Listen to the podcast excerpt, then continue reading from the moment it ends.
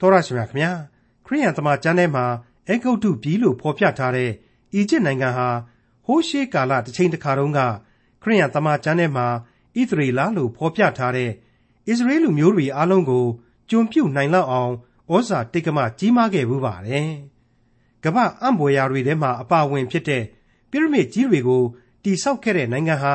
အီဂျစ်နိုင်ငံဖြစ်ပါတယ်။ကမ္ဘာလူယဉ်ကျေးမှုအစပြုထွန်းကားခဲ့တဲ့ နိုင်မြစ်ဝမ်းယဉ်ကျေးမှုဟာအီဂျစ်နိုင်ငံမှာဖြစ်ပါတယ်။အီဂျစ်နိုင်ငံနဲ့အစ္စရေးနိုင်ငံတို့နဲ့ပတ်သက်တဲ့ကြိုတင်ဗျာဒိတ်ပြုချက်တွေကိုတွေ့မြင်ရမှာဖြစ်တဲ့ခရိယန်သမာကျမ်းရဲ့ဓမ္မဟောင်းကျမ်းပိုင်းတွေကယေစီကျေလအနာဂတိကျမ်းအခန်းကြီး29နဲ့အခန်းကြီး30တို့ကိုဒီကနေ့သင်သိရသောဓမ္မကျမ်းအစီအစဉ်မှာလေ့လာမှာဖြစ်ပါတယ်။ဟိုးရှိမစွာအချိန်ကာလကလေးကရှိခဲ့တဲ့အဲ့ဒီကြိုတင်ဗျာဒိတ်ပြုချက်တွေဟာအံ့ဩစရာကောင်းလောက်အောင် မှန်ကန်နေတာကိုလည်း အထင်ရှားတွေ့ရမယ်။ယေစီကျေလအနာဂတိကျမ်း အခန်းကြီး 29 နဲ့ အခန်းကြီး 30 တို့ကို ဒေါက်တာထွန်းမြတ်ရေးက အခုလို ရှုမြင်သုံးသပ် ရှင်းလင်းတင်ပြထားပါတယ်။အေဂုတ်ထုတို့ နားဆင်ဖို့ဆိုတဲ့ ခေါင်းစဉ်အောက်မှာ မိษွေတို့ ကျွန်တော်တို့အခု ဆက်လက်လေ့လာသွားမှာကတော့ ယေစီလအနာဂတိကျမ်း အခန်းကြီး 29 နဲ့ 30 တို့ပဲဖြစ်ပါတယ်။ဓမ္မပညာရေးသမား အတော်များများဟာ ယေစီလရဲ့ တုရုမျိုးစိတုံမျိုးဆိုင်ရာ ဗျာဒိတ်တော်တွေတဲ့ အေဂုတ်ထုဗျာဒိတ်တော်တွေဟာပိုးပြီးတော့စိတ်ဝင်စားစရာကောင်းတယ်လို့သဘောတူထားကြပါတယ်။အဲ့ဒီအတိုင်းသာမှန်ရင်တော့တုရုမျိုးဇီးဒုံမျိုးတို့ရဲ့အနာဂတ်တွေကိုစိတ်ဝင်စားခဲ့ရတော့ကျွန်တော်ရဲ့မိษွေတို့အထက်ကမနေ့ကသင်ခန်းစာတွေကိုနှစ်ချိုက်မဲ့ပုံကိုတွေရဲ့အဖို့ကတော့ဒီကနေ့သင်ခန်းစာတွေဟာအလွန်မိန်ရှက်ဖွယ်ရာဟင်းကွက်ကြီးတစ်ခုကိုအသစ်ထပ်မံစားရတယ်လို့ဖြစ်ရလိမ့်မယ်လို့ကျွန်တော်တွေးမိပါတယ်မိษွေအပေါင်းတို့အေဂုတ်ထုဆရာဟာ မဟာအင်အားကြီးနိုင်ငံကြီးဖြစ်ခဲ့ပြီးတော့ပြက်သုံးခြင်းရှိတံတွေရှိတယ်ဒါပေမဲ့မိษွေတို့သိကြတဲ့အတိုင်းပဲခေအမျိုးမျိုးကိုကြံ့ကြံ့ခိုင်ခိုင်ရက်တီရင်ဆိုင်ရင်းနဲ့ဒီကနေ့ဒီအချိန်တိုင်အောင်အီဂျစ်ဆိုတဲ့နိုင်ငံကြီးအဖြစ်သေသေးသက်သက်ကလေးရှင်သန်နေနိုင်သေးတယ်ဆိုတာကိုညင်းလို့မရနိုင်ပါဘူးအဲ့ဒီလိုလက်တွေ့သွားရောက်နိုင်တယ်စမ်းသပ်ကြည့်ရှုနိုင်တယ်ဆိုတဲ့အဆင့်ရှိနေတဲ့ဆိုကြတဲ့ကလွန်ခဲ့တဲ့နှစ်2500ကနှုတ်ကပတ်တော်ဖော်ပြချက်တွေဟာ အကုန်လုံးစိတ်ဝင်စားစရာကြီးဖြစ်ရလိမ့်မယ်အသေးချာပဲလို့ကျွန်တော်ပြောနှင်ခြင်းပါတယ်မိတ်ဆွေအပေါင်းတို့တစ်ချိန်သောရှေးခေတ်ဟောင်းမှာတုန်းကအရှိဘက်မှာကြည့်လိုက်ရင်မြစ်ဝါမြစ်ဖွံယဉ်ကျေးမှုအိန္ဒိယနိုင်ငံရဲ့အိန္ဒုမြစ်ဖွံယဉ်ကျေးမှုဆိုတာတွေဟာအမခန်းလိလိသမိုင်းရဲ့အေယာမယဉ်ကျေးမှုထွန်းကားခြင်းကြီးများဖြစ်ခဲ့ပါတယ်အဲ့ဒီလိုပါပဲအာဖရိကမြောက်ပိုင်းကနိုင်းမြစ်ဖွံယဉ်ကျေးမှုဆိုတာဟာလေသမိုင်းပညာရှင်တို့အဆိုအရကမ္ဘာထိပ်တန်းလူအဖွဲ့အစည်းကြီးကိုဖြစ်ထွန်းကြီးပွားစေခဲ့တယ် လူမှုရေးစီးပွားရေးနိုင်ငံရေးစီးရေးဘယ်ဘက်ကမှညံ့တယ်ဆိုတာမရှိဘူး မျက်မှောက်ခေအရှိအနောက်နဲ့ဥရောပယဉ်ကျေးမှုကြီးတွေရဲ့မိခင်ကြီးလို့တောင်မှဆိုရလောက်အောင်ဒီနန်းမြေဖွံယဉ်ကျေးမှုအတွင်းမှာပဲသင်္ချာပညာအန္နဝါဗေဒပညာနက္ခတ္တဗေဒပညာဆေးပညာမှအစသိပ္ပံပညာတွေအမျိုးမျိုးယဉ်ကျေးမှုအမှုပညာတွေအဖုံဖုံပိတုကအတ္တများအစုံအလင်းနဲ့အမှန်တကယ်လူအဖွဲ့အစည်းကြီးကိုအကျိုးပြုခဲ့တဲ့မိခင်ကြီးတစ်ဖွဲ့တိုးတက်ထွန်းကားခဲ့ရပါသောအခန်းကဏ္ဍဖြစ်ခဲ့တယ်ဆိုတာကိုကျွန်တော်တို့ဘယ်လို့မှမေ့ထားလို့မရနိုင်ပါဘူး အဲ့ဒီလိုတိုးတက်ထွန်းကားမှုအပေါင်းတရဖူဆောင်းခဲ့တာတွေကိုရုပ်ပိုင်းဆိုင်ရာများတက်သည့်အဖြစ်နဲ့တင်ပြပါဆိုရင်တော့သိလွယ်ပါလေဒီကနေ့တက်တိုင်အောင်ကဘာတဝန်းလုံးကဝိုင်းပြီးတော့ပြည့်စုံစောင့်ရှောက်ပေးနေရတဲ့လူသမိုင်းရဲ့တရုတ်ပြအေယာမပရမစ်ကြီးတွေ Sphinx လို့ခေါ်တဲ့ကေသယာစာခန္ဓာမှမှလူကောင်းပုံစံပြုလုပ်ထားတဲ့ကြောက်ခမန်းလိလိအဆောင်အယောင်ကြီးတွေကိုစာအုပ်စာပေတွေမှာတရက်နှစ်ရက်လောက်လှန်ကြည့်လိုက်တာနဲ့ပဲကောင်းကောင်းကြီးသဘောပေါက်နိုင်မှာဖြစ်ပါလေနည်းနည်းနည်းနည်းသာဆက်ဆက်တွေးခေါ်မယ်ဆိုရင်လေ အဲ့ဒီလောက်အထိစွန့်ပကတတ္တိရှိခဲ့ဘူးသူအေဂုတ်ထုတို့ဟာအဲ့ဒီလိုမဟာအင်အားကြီးနိုင်ငံကြီးဖြစ်ခဲ့တဲ့အချိန်မှာမြေထဲပင်လယ်တစ်ဖက်ကမ်းကမြောက်ဖက်ဥရောပဆိုတာကတော့အရင်အဆိုင်တွေရဲ့အဆင့်တချို့မှာတိုင်းရပြည်ရလို့တောင်မှမထူထောင်နိုင်သေးတဲ့အဆင့်ပဲဆိုတာကိုကျွန်တော်တို့သမိုင်းမှာပြန်ပြီးတော့ဆင်ခြင်တုံတရားရရှိနိုင်အောင်တန်ဝေကရယူနိုင်အောင်ကျွန်တော်အနေနဲ့တင်ပြခြင်းပါတယ်သမိုင်းကြောင်းအရာအမှန်တကယ်ဆိုရင်လေအေဂုတ်ထုဟာအင်အားဘလောက်အထိကြီးခဲ့တယ် ဣသရေလရဲ့လို့လူမျိုးတော်ကိုဘုရားသခင်မရွေးကောက်ခင်မှာကတည်းကအာဗြဟံတို့လိုလူမျိုးကြီးတွေအတွက်အရေးကောင်းတစ်ခုလိုတွားရောက်ခိုးလှုံခဲ့ရတဲ့အဆင့်နောက်ကာလမှာအဲ့ဒီခေတ်ကဘာကြီးငတ်မွခေါင်းပါပြန်တော့လေသူ့နိုင်ငံကပဲဆန်နေဂျုံတွေနဲ့ကဘာအငတ်ပြဿနာကိုဝိုင်းဖြေရှင်းပေးနိုင်လို့ဣသရေလတွေတောင်မှအဲ့ဒီအေဂုတ်ထုမှာတွားပြီးတော့လက်ဝါးဖြန့်တောင်းပြီးတော့စားခဲ့ရတယ်ဆိုတာတွေကိုကျွန်တော်တို့ဟာယောသတ်ခေတ်မှာဓမ္မသမိုင်းအရာကျွန်တော်တို့ရှင်းရှင်းလေးတွေ့နိုင်ပါတယ်ဒါကိုကဘာဦးကျက်မှာပြန်ကြည့်ရင်ကောင်းကောင်းလေးတွေ့နိုင်ပါတယ် ပြီးတော့တခါအဲ့ဒီလိုအင်အားရှိလို့သားဖြင့်လေဣသရေလကြီးယောက်ျားကြီးပဲ6သိန်းသားမယားတွေတက်ကြီးရွယ်အိုတွေပါပေါင်းလိုက်ရင်အလုံးနှစ်သန်းမကတဲ့အုပ်စုကြီးတစ်ခုလုံးကိုကျွန်ပြုတ်နှိပ်စက်နိုင်တဲ့အဆင့်ရှိခဲ့တာကိုလေကျွန်တော်တို့ဟာကပ္ပဦးကျမ်းအရာပဲတွေ့ကြရပြီးသားပါထွတ်မြောက်ရာကျမ်းမှာဆိုရင်ဒါတွေကိုရှင်းနေအောင်တွေ့ရပြီးသားပါ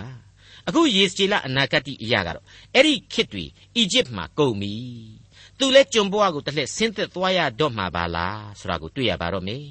ယေစကြည်လအနာဂတ်ကျမ်းအခန်းကြီး29အငယ်1မှ9တက္ကရာ10ခုဒသမလ30ရက်နေ့တွင်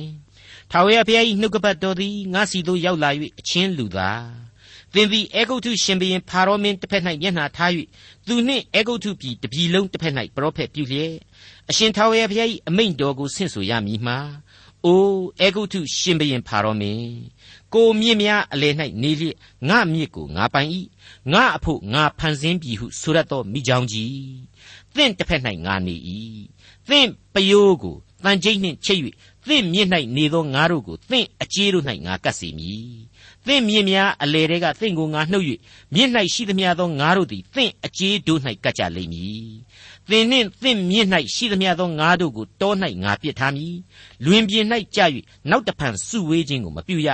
တောသားရေများမိုးကောင်းကင်ငှက်များစားเสียဖို့သင်ကိုငါအပ်၏ငါသည်ထာဝရဘုရားဖြစ်ကြောင်းကိုအေဂုတ်ထုပြည်သားအပေါင်းတို့သည်သိရကြလိမ့်မည်အကြောင်းမူကားသင်သည်ဣသရေလအမျိုး၌ကျူတောင်ဝေးဖြစ်လေပြီသင်ကိုလက်နှင့်ကင်သောအခါသင်သည်အကင်မခံသူတို့ပခုံးစစ်ကိုဖြုတ်လေ၏သင်နှင့်ကိုကိုထောက်သောအခါ သင်သည်ကြိုး၍သူတို့ခါကိုနာစေ၏မိတ်ဆွေအပေါင်းတို့အေဂုတ်ထုနိုင်ငံဆရာဟာဓမ္မရေးအမြင်အရကောင်းကြီးများစွာခန်းစားခဲ့ရသောနိုင်ငံတော်ကြီးတစ်ချိန်တည်းမှာပဲဇာတိပဂရိအပြစ်ဒုစရိုက်မြေလို့သူ့ကိုကျွန်တော်တို့ဟာပမာဆောင်တတ်မှတ်လို့ရနိုင်ပါတယ်ဓမ္မသဘောအရာပါသူ့ရဲ့ကျွန်ရိတ်ကလွတ်မြောက်ခြင်းဆိုတာဟာလေအဲ့ဒါကြောင့်အပြစ်ရိတ်အောက်ကလူသားများထွတ်မြောက်မှုကို ကိုစားပြုထားတဲ့ကျေးဇူးတော်ရဲ့သဘောတရားပင်ဖြစ်ကြောင်းကိုကျွန်တော်တို့ဟာဓမ္မရေးသင်ခန်းစာများမှာဖော်ပြပြီးခဲ့ပါပြီအဲ့ဒါဟာအီဂျစ်ကိုနှိမ်ပြီးတော့ပြောတာလားအရှင်းမဟုတ်ပါဘူးအဲ့ဒီအပြစ်အပြစ်လောင်းရိပ်လို့ကျွန်တော်တို့ကပြောပြောနေတယ်အီဂျစ်ဆိုတဲ့နေရာကနေပြီးတော့တခါကျေးဇူးတော်ခံစားရခါနန်ဆိုတဲ့ဣသရေလတိုင်းပြည်ကြီးကိုအမိနာမပြောင်းလဲပြီးတော့သတ်မှတ်ထားခဲ့လို့အဲ့ဒီဣသရေလဆိုတဲ့ကျေးဇူးတော်ခံစားရခါနန်ကြီးဟာရော အဲ့ဒီယေစီလတို့ဟေရှာယတို့ယေရမိတို့ဖော်ကျူးချက်တွေ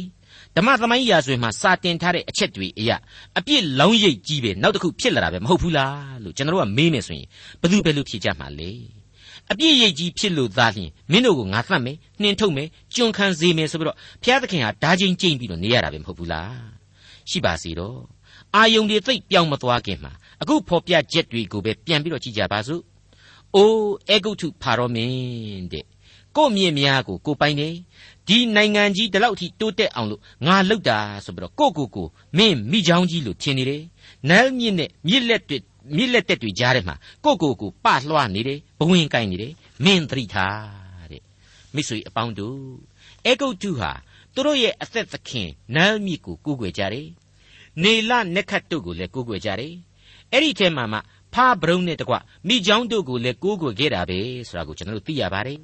အဲ့ဒီတော့ဒီရေမြေကြားမှာဒီတိုင်းပြည်ကြီးဖွံ့ဖြိုးနေလေတော့ဖာရောဘုရင်ဟာလေသူ့နေမြေမှာတော့သူ့ကိုယ်သူဖျားပဲဆိုပြီးတော့အထင်ရောက်ခဲ့တဲ့လက္ခဏာရှိပါတယ်အခုယေစကြည်လရီမှန်းတဲ့ဒီဘုရင်ဟာ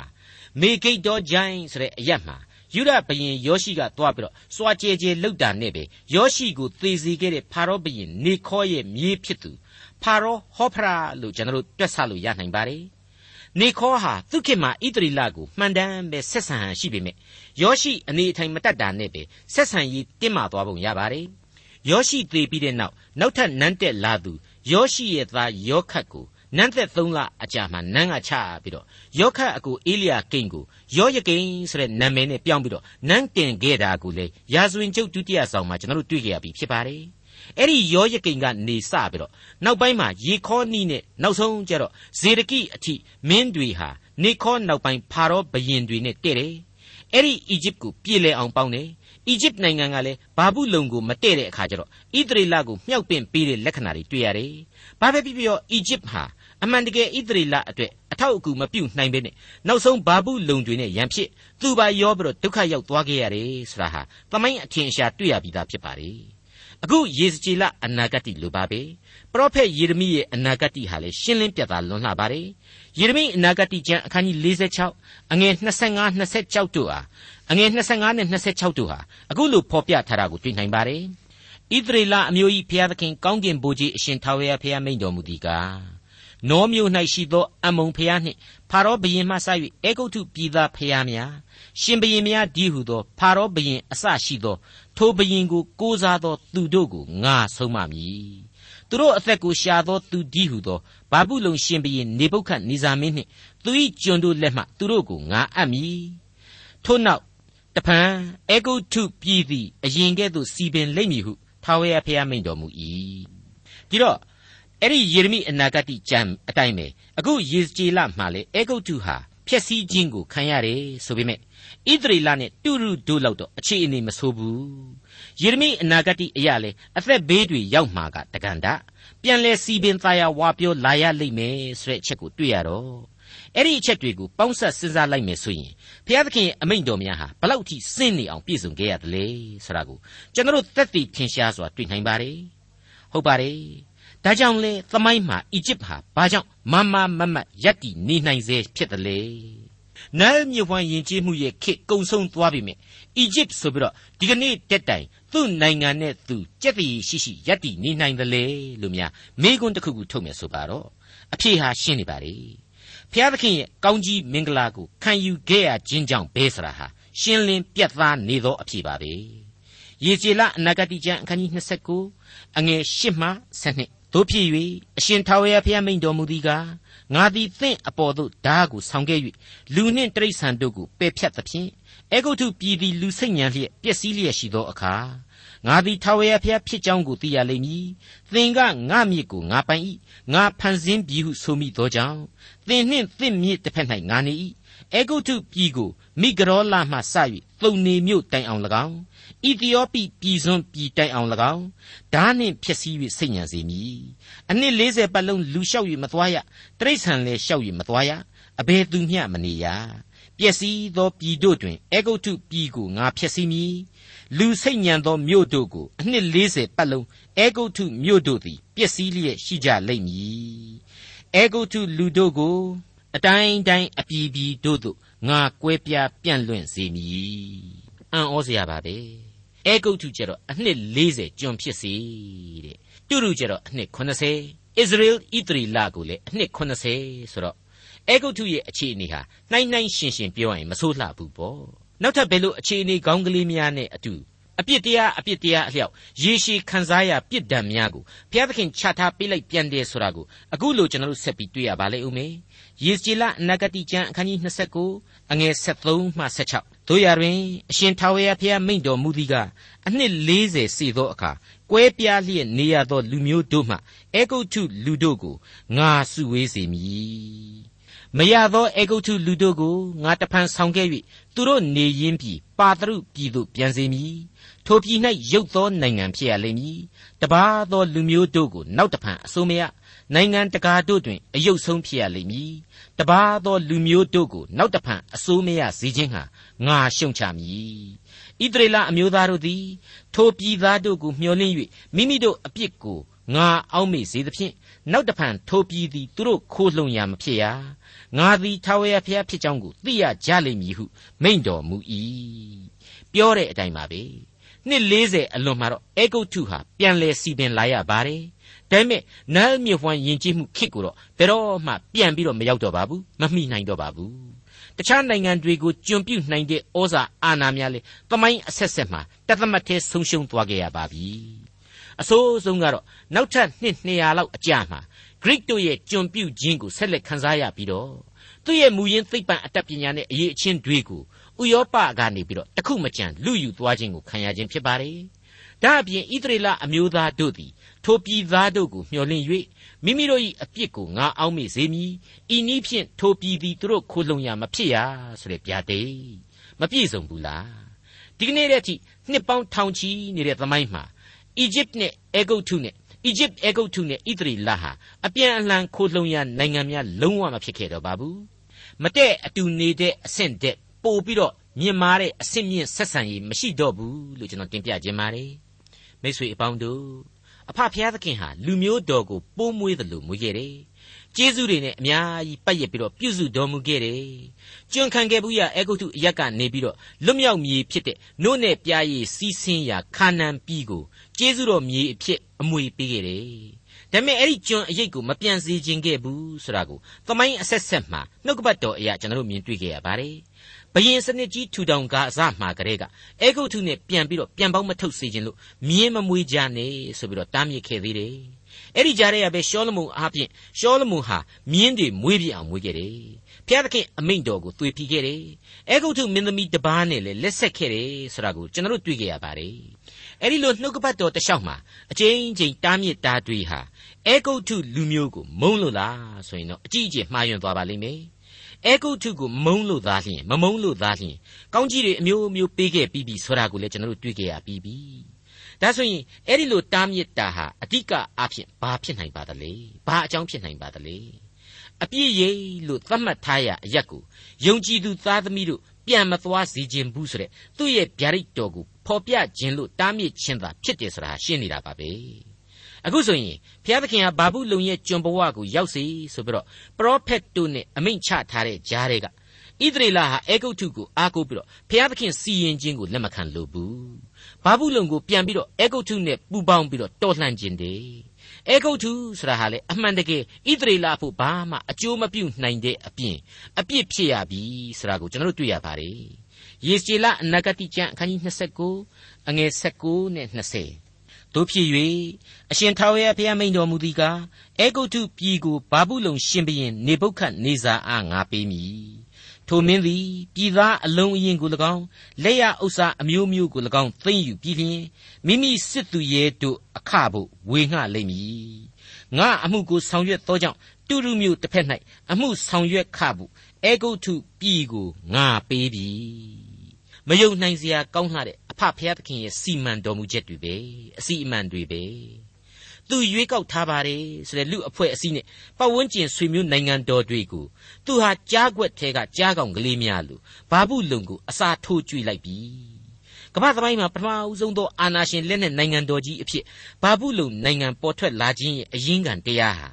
သူချစ်တဲ့သားသမီးသူကျွေးမွေးပြုစုထားတဲ့သူ့သားသမီးတို့ကို ကောင်းကင်နဲ့မြေကြီးကိုသက်သေထားပြီးတော့အဖဖျားသခင်ဆုံးမတော်မူခြင်းဖြစ်ကြောင်းကိုတင်ပြနေတာရှင်းပြနေတာဟာအဖဖျားသခင်ရဲ့မယုံကြည်နိုင်လောက်အောင်ဒီမြေကြီးပြင်ကိုနိုင်နှင်းခြင်းသူ့စိတ်ကြိုက်စီမံတော်မူခြင်းအကြောင်းတွေကိုထင်ရှားပေါ်လွင်နေစေပါတယ်မိတ်ဆွေအပေါင်းတို့အခုချိန်မှာတော့အေဂုတ်ထုနိုင်ငံတော်အတွက်မြည်တမ်းစကားကိုယေစကျေလဟာအခန်းကြီး30အဖြစ်ဆက်လက်ဖော်ပြသွားတော့မှာဖြစ်ပါတယ် ယေစကျေလအနာဂတိကျမ်းအခန်းကြီး30အငယ်1မှ6တပံထာဝရဘုရား၏နှုတ်ကပတ်တော်သည်ငါစီသို့ရောက်လာ၍အချင်းလူသားသင်သည်ပရောဖက်ပြုလျက်အရှင်ထာဝရဘုရား၏အမိန့်တော်ကိုဆင့်ဆိုရမည်မှာရောက်ရသောနေ့သည်အမင်္ဂလာရှိသည်ဟုအော်ဟစ်ကြလော့ထိုနေ့နီးပြီထာဝရဘုရား၏နေ့မိုးအုံသောနေ့တပားအမျိုးသားဖို့ချင်းချက်သောအချိန်နီးပြီ ဒါဘေသည်အေဂုတ်ထုပြည်သို့ရောက်သဖြင့်သူရဲတို့သည်လဲ၍တည်ကြသောအခါအဲသီယောပိပြည်သည်ပူပန်လိမ့်မည်အလုံးအင်းကိုပယ်ရှား၍မူလအမြစ်ကိုဖြိုဖျက်ကြလိမ့်မည်အဲသီယောပိအဲသီယောပိပြည်သားဖုတပြည်သားလူဒပြည်သားအမျိုးမစစ်သောလူရှိသမျှခုဘအမျိုးသားမိသဟာယဖွဲ့သောပြည်သားတို့သည်အေဂုတ်ထုပြည်သားတို့နှင့်တကွဓာဖြင့်လဲ၍သေကြလိမ့်မည် အေဂုတ်ထုပြည်ကိုထောက်မှသောသူတို့သည်လဲ၍သေကြသဖြင့်အေဂုတ်ထုအစွန်းတတ္တိဂုံအသရေသည်ဆုံးလိမ့်မည်မိကဒေါလာမြို့မှစ၍သူနေမြို့တိုင်အောင်အေဂုတ်ထုပြည်သားတို့သည်ဓာဖြင့်လဲ၍သေကြလိမ့်မည်ဟုအရှင်ထာဝရဘုရားမိန့်တော်မူ၏မှန်ပါတယ်မိတ်ဆွေအတိတ်ကာလကဘုံတကူတွေကိုဂန္ဓာယအလေကပိရမစ်ကြီးတွေ Sphinx ရုပ်ထုကြီးတွေနဲ့သားလျင်ပြန်လဲဖော်ပြနိုင်စွမ်းရှိတဲ့အေဂုတ်ထုရဲ့အခြေအနေဟာ အတိတ်ကရွှေထီးဆောင်ရတဲ့ခေတ်ကိုဘယ်တော့မှပြန်ပြီးတော့မရောက်နိုင်တော့ပါဘူးသူ့ရဲ့အရှိမြောက်အရက်မြေထဲပင်လေကမ်းရိုးရဲ့အရှိကမ်းခြေမှာတည်ရှိနေတဲ့တချိန်ကတကူဩဇာကြီးမားလှပါတယ်စီးပွားရေးကောင်းမွန်လှပါတယ်ဆိုရက် Phoenician ဆိုရဲ့နေမြေကတုရုမြို့ကြီးရဲ့ဖြစ်ပုံအတိုင်းပါပဲမိတ်ဆွေအပေါင်းတို့ယေစီလအနာဂတိကျမ်းအခန်းကြီး30အငယ်9မှ19ကိုဆက်လက်တင်ပြပါရစေပျက်စီးသောမြို့တို့တွင်ပျက်စီးလျက်ရှိကြ၍ လူစိတ်ညံသောမြို့တို့တွင်အေဂုတ်ထုမြို့တို့သည် ပါဝင်ကြလိမ့်မည်ငါသည်အေဂုတ်ထုပြည်၌မိညှိ၍ထိုပြည်မှမဆသမျှသောထိုပြည်ကိုမဆသမျှသောသူတို့သည်ပျက်စီးကြသောအခါငါသည်ထာဝရဘုရားဖြစ်ကြောင်းကိုသိရကြလိမ့်မည်ထိုအခါစိုးရင်ခြင်းမရှိသောအေသီယိုပိပြည်သားတို့ကိုကြောက်စီခြင်းဟံငါစေလွှတ်သောတမန်တို့သည် သင်္ဘောစီး၍သွားကြသဖြင့်အေဂုတ်ထုပြည်၏အချိန်၌သူတို့သည်လည်းအလွန်ဆင်းရဲခြင်းသို့ရောက်ရကြလိမ့်မည်ထိုအချိန်လည်းနီးပြီဟုမိန့်တော်မူ၏အရှင်ထာဝရဘုရားမိန့်တော်မူသည်ကားဘာဘူးလုံရှင်ဘရင်နေပုခတ်နေစာအားဖြင့်အေဂုတ်ထုပြည်အလုံးအရင်ကိုငါဖြတ်မည်ထိုရှင်ဘရင်နှင့်တကွသူ၏လူများကြောက်မဲ့ဖွယ်သောလူမျိုးများတို့သည်အေဂုတ်ထုပြည်ကိုဖျက်ဆီးခြင်းငှာလာ၍ဓာကင်လျက်တပြည်လုံးကိုသူရဲတို့နှင့်ပြည့်စေကြလိမ့်မည် မြစ်တို့ကိုငါခန်းချောက်စေ၍အတ္တမလူတို့အားပြည်ကိုရောင်းလိုက်မည်တကြွတနိုင်ငံသားတို့လက်ဖြင့်ပြည်နှင့်တကွပြည်၌ပါသမျှကိုငါဖျက်ဆီးမည်ငါထာဝရဘုရားပြောပြီအရှင်ထာဝရဘုရားမိန့်တော်မူသည်ကားရုတ်တုတို့ကိုငါဖျက်ဆီး၍နောဖပြည်၌ဆင်းတုတို့ကိုလည်းပယ်ဖြတ်မည်နောက်တဖန်အေဂုတ်ထုမင်းမျိုးမရှိရအေဂုတ်ထုပြည်သည်ကြောက်ရွံ့မည်အကြောင်းကိုငါပြုမည် ပါသရုပြည်ကိုငါဖျက်မည်ဇောနမြို့ကိုလည်းမိရှုမည်နောမြို့ကိုလည်းအပြစ်ဒဏ်စီရင်မည်အေဂုတ်ထုပြည်အစွန်းတတ္တိဖြစ်သောသိမ်မြို့အပေါ်သို့ငါသည်အမျက်ကိုသွန်းလောင်း၍နောမြို့သားအလုံးအင်းကိုပယ်ဖြတ်မည်အေဂုတ်ထုပြည်၌မိညှိ၍သိမ်မြို့သည်တုန်လှုပ်ခြင်းနောမြို့ရိုးသည်ပြိုပေါက်ခြင်းနောဖမြို့သည်နေ့အချိန်၌ပင်စစ်တိုက်ခြင်းကိုခံရလိမ့်မည်အာဝင်မြို့ ဖိဘေသက်မြို့သားလူလင်တို့သည်ဓာဖြင့်လဲ၍သေကြသဖြင့်မိမတို့သည်သိမ်းသွားခြင်းကိုခံရကြလိမ့်မည်တာပနေမြို့၌အေဂုတ်ထုလှန်တန်တို့ကိုငါချိုး၍သူ့အစွန်းတတ္တိဂုံအသရေဆုံးသောအခါနေ့အချိန်၌အလင်းကွယ်လိမ့်မည်မိုးအုံ၍မြို့သမီးတို့သည်သိမ်းသွားခြင်းကိုခံရကြလိမ့်မည်ထို့သောအေဂုတ်ထုပြည်၌ငါသည်အပြစ်ဒဏ်စီရင်၍ထာဝရဘုရားဖြစ်ကြောင်းကိုသူတို့သိရကြလိမ့်မည်ဟုမိန့်တော်မူ၏ နောက်တဖန်အေဂုတ်ထုမင်းမျိုးမရှိရတဲ့ဟုတ်ပါတယ်မိတ်ဆွေ BC 4000လောက်ကလေးကကိုမင်းကိုချင်းနေလာခဲ့တဲ့အေဂုတ်ထုနိုင်ငံတော်ကြီးဟာ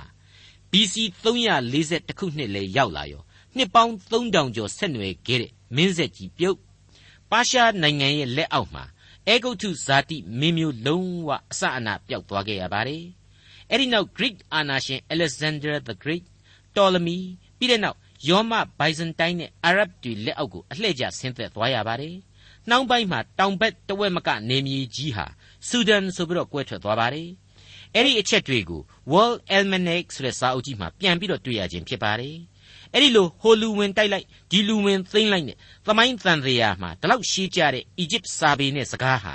အခြားသောယဉ်ကျေးမှုအစုစုတို့နဲ့အတူပျောက်ကွယ်လူမတက်ဒုက္ခရောက်ခဲ့ပါတယ်။ဒီကနေ့တဲ့တိုင် အီဂျစ်နိုင်ငံရဲ့စကားဟာအာရဗ်ဘာသာစကားနဲ့အတင်းအစားထိုးခံခဲ့ရပါတယ်။အဲ့ဒီအီဂျစ်မူရင်းစကားနဲ့စာပေကို Coptic Christian လို့ခေါ်တဲ့ခရိယန်အဖွဲ့အစည်းစီမှာပဲအနည်းငယ်ပြန်ပြီးတွေ့ရတော့တယ်လို့လည်းဆိုပါတယ်။အကုန်လုံးဟာဘယ်တုန်းကမှမမျှော်လင့်ခဲ့တဲ့အပြောင်းအလဲတွေပဲဖြစ်ပါတယ်။ဖာရောဘရင်တွေကိုးကွယ်ခဲ့တဲ့မြစ်တွေဟာလေခန်းချောက်ပြီးသွားခဲ့လို့ဂန္ဓာယမြေတွေဖြစ်ကုန်လာတယ်။ အဲ့ဒါကြောင့်လဲသိပ္ပံခေတ်မှာကမ္ဘာအကြီးဆုံးရေကာတာကြီးဖြစ်တဲ့ S1 ဆိုတဲ့ရေကာတာကြီးတိဆောက်ပြီးတော့တိုင်းပြည်ကိုမနေ့ရုန်းကန်ထူထောင်နေရတယ်ဆိုတာကိုမျက်မှောက်ခေတ်အီဂျစ်သမိုင်းဘုဒ္ဓအဖြစ်ကျွန်တော်တင်ပြပါရစေ။ယေဇေလအနာဂတိကျမ်းအခန်းကြီး30အငယ်20မှ26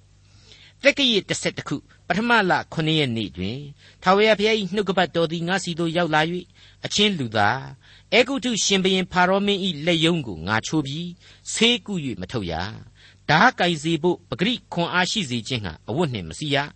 ဤအမှု၌အရှင်ထာဝရဘုရားမိန်တော်မူသည်ကားငါသည်အေဂုတုရှင်ဘရင်ဖာရောမင်းတစ်ဖက်၌နေသဖြင့်သူ၏လက်ယုံဒီဟုသောခိုင်မာသောလက်ယုံနှင့်အရင်ချိုးသောလက်ယုံကိုငါချိုး၍ဓာကိုသူ့လက်မှကြားစီမည် အေဂုတုလူတို့ကိုအတိုင်းတိုင်းအပြည်ပြည်တို့တွင်ကွဲပြားပြန့်လွင့်စေမည်ဘာဘူးလုံရှင်ဘရင်ကိုငါခိုင်မာစေ၍ငါဓာကိုသူ့လက်၌အပ်မည်ဖာရောမင်း၏လက်ယုံတို့ကိုငါချိုးသဖြင့်သူသည်အသေးသက်ချင်းကိုခံရသောသူအော်ဟစ်တဲ့ကဲ့သို့ဘာဘူးလုံရှင်ဘရင်ရှေ့မှအော်ဟစ်ရလိမ့်မည်ဘာဘူးလုံရှင်ဘရင်၏လက်ယုံတို့ကိုငါခိုင်မာစေမည်ဖာရောဘရင်၏လက်မူကားအောက်သို့ကျလိမ့်မည် ငါဓာကိုဘာဘူးလုံရှင်ဘရင်လက်၌ငါအပ်၍သူသည်အေဂုတ်ထုပြည်ကိုထိုဓာနှင့်ခုတ်သောအခါငါသည်ထာဝရဘုရားဖြစ်ကြောင်းကိုသူတို့သိရကြလိမ့်မည်ထို့သောအေဂုတ်တုလူတို့ကိုအတိုင်းတိုင်းအပြည်ပြည်တို့၌ငါကွဲပြားပြန့်လွင့်စေမည်ငါသည်ထာဝရဘုရားဖြစ်ကြောင်းကိုသူတို့သိရကြလိမ့်မည်ဟုမိန့်တော်မူ၏လက်ယုံကိုငါချိုးပြီတဲ့ဆေးကု၍မထုတ်နဲ့အဝတ်နဲ့တောင်မှမစီးနဲ့တဲ့ POP သွားမကင်နဲ့ဆိုတဲ့အဓိပ္ပာယ်ပဲပေါ့ အမှန်တော့လက်ကြီးတကယ်ကျိုးသွားတာမဟုတ်ပါဘူးနော်အပြင်ပန်းကတော့အကောင်ပဂီဒါပေမဲ့လက်တွေ့မှာဘာဆိုဘာမှမတတ်နိုင်တော့ဘူးဆိုတဲ့ခွေသွားတဲ့သဘောပဲဖြစ်ပါလေအပြစ်လောင်းရိပ်အဖြစ်သူပုံဖော်ပေးထားတဲ့တိုင်းပြည်နဲ့လူမျိုးတစ်ခုကိုသူဟာသမိုင်းနှစ်ပေါင်းများစွာကောင်းကြီးပေးသနာတော်မူခဲ့ပါတယ်ဒီကောင်းကြီးများကိုသူပေးပိုင်တယ်လို့ရုပ်သိမ်းပိုင်ခွင့်ရှိတယ်ဆိုတာကိုမေ့ထားလို့မရနိုင်ပါဘူးမိုင်ပေါင်းများစွာဝေးကွာနေတဲ့အဝေးရောက်ပရောဖက်ကြီးယေစကြည်လဟာ အေဂုတ်ထုနေနေသာသာသူ့တိုင်းပြည်ကိုတောင်ပြန်ပြီးတော့မြင်ရတဲ့အခြေအနေမရှိပါဘူးဒါပေမဲ့ဝိညာဉ်တော်အလင်းအားဖြင့်အံ့ဘွယ်သောစီရင်တော်မူချက်တို့ကိုဘုရားသခင်ကိုစားချထားပေးလျက်ရှိနေခြင်းပါပဲဒေါက်တာထွန်းမြတ်ရေးစီစဉ်တင်ဆက်တဲ့တင်ပြတော်တမချန်းအစီအစဉ်ဖြစ်ပါတယ်နောက်တစ်ချိန်အစီအစဉ်မှာခရိယန်တမချန်းရဲ့ဓမ္မဟောင်းကျမ်းပိုင်းတွေကရေစကြည်လအနာဂတိကျမ်းအခန်းကြီး31နဲ့အခန်းကြီး32တို့ကိုလေ့လာမှဖြစ်တဲ့အတွက်စောင့်မျှော်နားဆင်နိုင်ပါတယ်။